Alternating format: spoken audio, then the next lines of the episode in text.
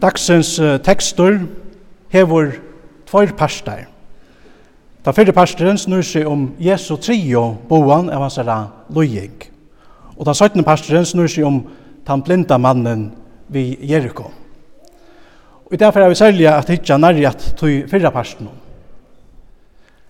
Hetta er trio fer at Jesus boar lærersvannen om sin deia og om sina opprøysn. Det ligger hun nær at hjertet er boa lærersvennen fra Hesun, tog at det var jo vi Hesun bav hun hending noen at han skulle frelsa at han høymen. Vi syne noen deia, og vi syne opprøysen fra deia. Tog tåk han lærersvennene til Sujes, og boa i tøymon enn øyne fer fra synare løying. Hva han visste at han ikke fører å fæta etter akkurat ta. Men han visste korsene, at han er deie og opprørst søttene for at ombrøyta beie læresvennerne og atlan høymen, og også okker som er her i dag.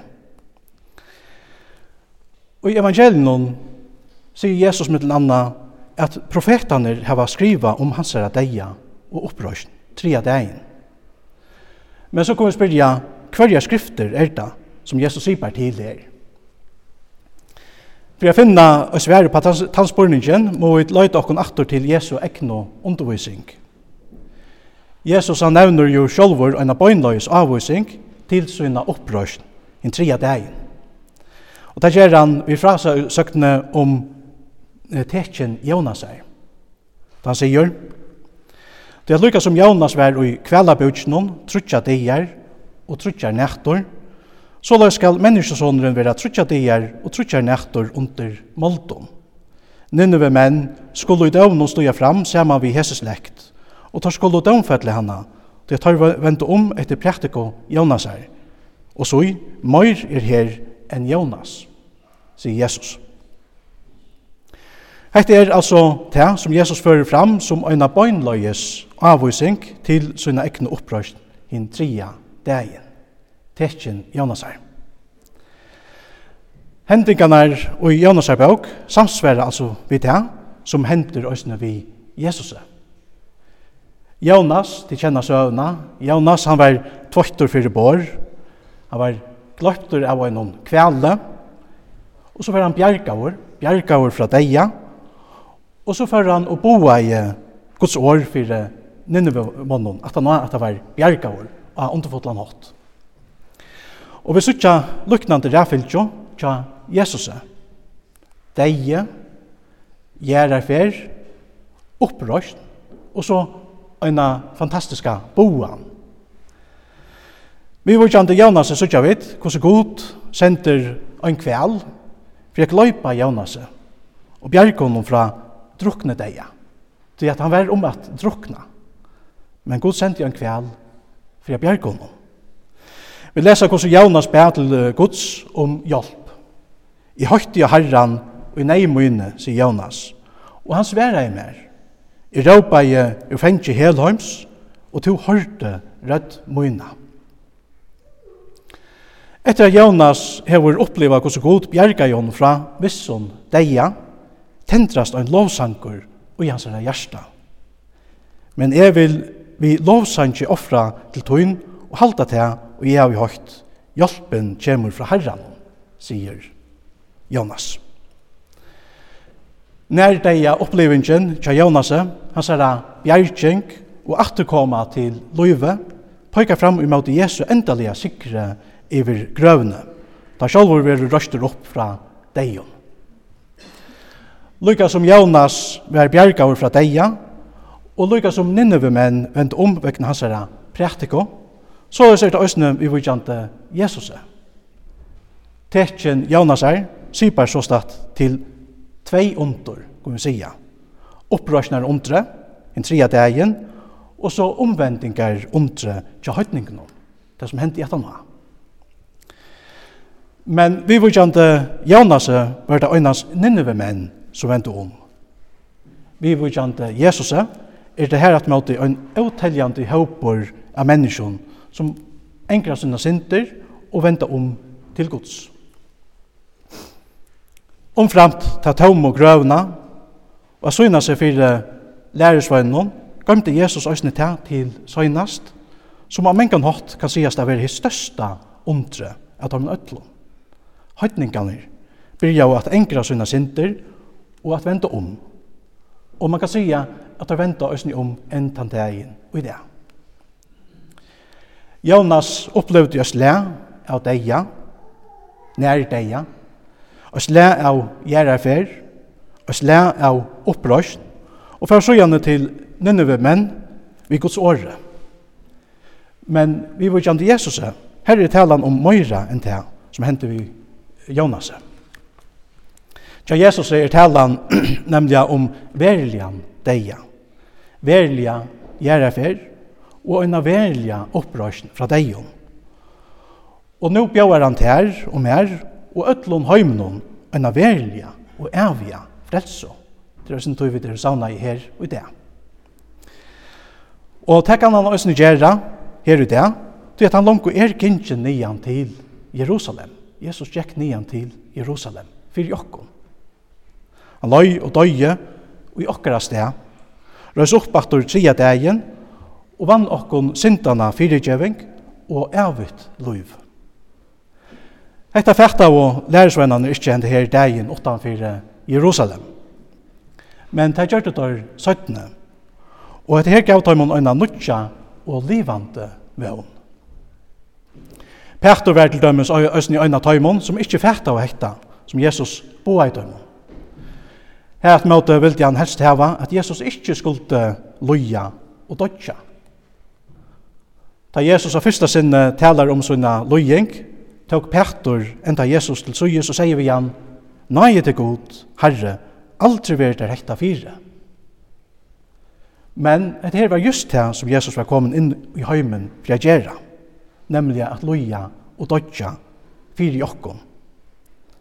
Vi kan spyrja kvoi, og sverre til hava ut, og til dømes Johannes 3,16, 16, her det stentor, til jeg så elskar jeg god heimen, at han gav sånn sånn inn øynbøyna, til dess at øyne kvar som tror han ikkje skal glættast, men hava evigt liv. Okkara liv og frelsa er sera dorst kjept. Det kostar i Jesu egna blå og liv. Men hette her var akkurat det som han ville gjøre og i til god. Han var løyen til deia, ja til deia av krosset, som Paulus og sin sida. Vi har en god som elskar okkur meir enn vi nekrant og kunne fæta, og som er viljer til at rinda den største prøysen for å bjerga ter og mer. Torske presteren og solmaskalte Paul Gerhardt hever hoksa seg en samrøv om mellom feiren og sonen om sin tømsens og sottargjerna. Feiren han sier, Fær soner moin og i pynslo i tørra sted som kvann ein der min røye skulle rekka. Apostlas var der møtta skal, om hansens frelse stendur vel, vil du ta og hatt tekka, spyr feiren. Og sonen sverar, ja feir, ja av hjertans grund, sva verre utan ekka, let koma best din svara stund, i deians drikk vil drekka. Öll hansens punsla vera sjá, han sverar, fegin, jeg vil gå, og i lyttende pynslo bæra. Så løs løser Paul Gerhardt årsøkene til at Jesus gonger nian til Jerusalem. Han veit er krossur og deie bojar om her, men han fer korsene. Då som det stedet skriva tja Marskose, så er menneskesåneren ikkje kommet fyrir at vera tæna vår, men fyrir at tæna og at djeva løyser som løyser gjald fyrir mong. Øysene fyrir te og me som er her og i dag. Hekta er grunden til at Jesus gonger nian til Jerusalem. Og da Petter sier vi han aldri veri der hekta fire, da er det ikke løye at Jesus værer som han gjør, og sier, vik atter om satan. Petter hei ikkje fæta enn at Jesus han måtte og gjøkken hekta, alt hekta, for at bjerga tær og mer, og etlun heimenon. Og utan at vi er avdøy, hei Petter nu gjør seg til ein talsmann, tja sjálvun, mjölstøvmann, djevnun. Han som ikkje vil at nekkar okkon skal liva og vera frelstur. Men god hau lov fyrir at Jesus er avgjördur i hesson at færa nian til Jerusalem. Hevast han vajta krossur og deie bojar hon her. Satan og alt hans er herlig skal ikkje sleppa at hindra honom og i færa nian til Jerusalem. Han vil vera lojen møter færenom. Han elskar okkom vi øynon og endalion kærløyka. Tøy vil han òsne frelse okkom, høyast han veit, at det kommer av honom lojeng og deia av krossenum. God har vi lov for at Jesus gikk nian til Jerusalem. At det merker jo, at han vil bjerga ter og mer og øtlom heimen. Og i dagsens tekst høyra vi Jesus sier at men menneskesåneren skal være givet opp i høytna manna hentor og spottavur og hoavur og avsputtor. Og tar skulle hovflanje han og drepa han og tria dagen skal han rysa opp. Etta minner nekv om det som Paulus er inne i og i fyrra Korintbraunen, 15 Jeg sier vi korrekt menn, tog at det lett ikkun få at vita fyrst og fremst til, som er òsni av tidsi vi, at Kristus døye fyrir synder okkara samsverande vi skriftene, og at han var griven, og at han stod opp tria dagen samsverande vi skriftene. Jeg sier Paulus til hina kristne trunna, så lai som hon er vi jaua og vi boa, lykka fra fyrstantøy. Kristus døye samsverande vi skriftnar, Og han stod òsne opp tria dagen, samsverande vi skriftene. Hetta at Jesu deie og opprøysen samsverande vi skriftene, tja profeten er av størsta tøytningi. Tøy at oppfyllelse av skriftene merker jo at nu genga lyftene ut som profetene er å boa. Nu byrjar nekka holdt nytt. Nu er vi vi fytling tøyarinn her, så er som Paulus òsne sida, og ikke lagt det brann Han skriver, Men ta i fytling tøyerinna kom, sendte god son sånn, føttan av kvinno, føttan underlov, til tess at han kunne kjeipa teileis, så var det underlov, så at vi kunne få sonarratten. Men av tøy at det er rosiner, ta hever god sendt anda sonarsons og gjørstetikkara, som råpar Abba fægir. Så er du ikke langur trælur, men sonur. Men er du sonur, ta erst du eisen i fyrir Guds sætjer. Hetta er det som ombrøyte lærersveinene. Og hetta er eisen det som ombrøyte loiv enn dagen og i dag. Vi liva og gjerne nutjare tøy, og nære nøye tøy. Her god og Guds rujtje er kommet nær til okkon.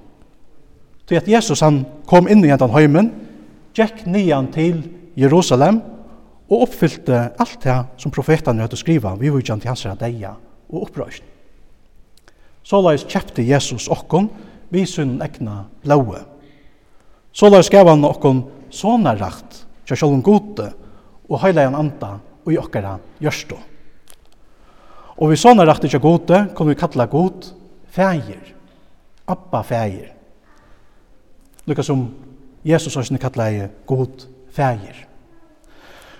Og vi sånne rett ikke gode og høyla en anda og jakkar gjørstånd, er vi ikke langer trealer, tja sintene og dømt til en avløyga borste fra gode.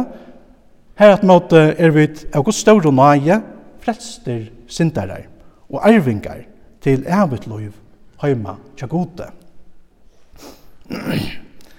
Hekti det som brøkte læresveinene. Og hekti det som gjør menneskjon en annutja og livande vøvn og østene og idea. Om Jesus ikkje var ferdig nian til Jerusalem, da hei ikke av Guds store og frelse til verilaga. Så heter han ølige tøytningar mykje fer Jesus gjer nian til Jerusalem. Nekka som vi kunne takka fyrir og lova gode fyrir. Det er at Jesus gikk nian til Jerusalem for at oppfylla alt det som profetene høyt å skriva vi vujjante hånden. Øynans av tørre grunn, kunne to og jeg, som er jo her i dag, og som er hjertet synkja så løs så vidt hava synkja. Tau skal som blåmann følna, barmur mun og hånd skal kølna. Trygg vi er, tunn hånd mi hevor, og i deia luiv mer djevor. Tu breit deians borska brott. Lov og tøkk og atler høyur, virret her, god og varon, fægir, sine og høylaun anda, som alt du hever vere, er du alltid verur ein sannur trøyne god, halovar fra fyrste opphavet, nu om allar det Amen.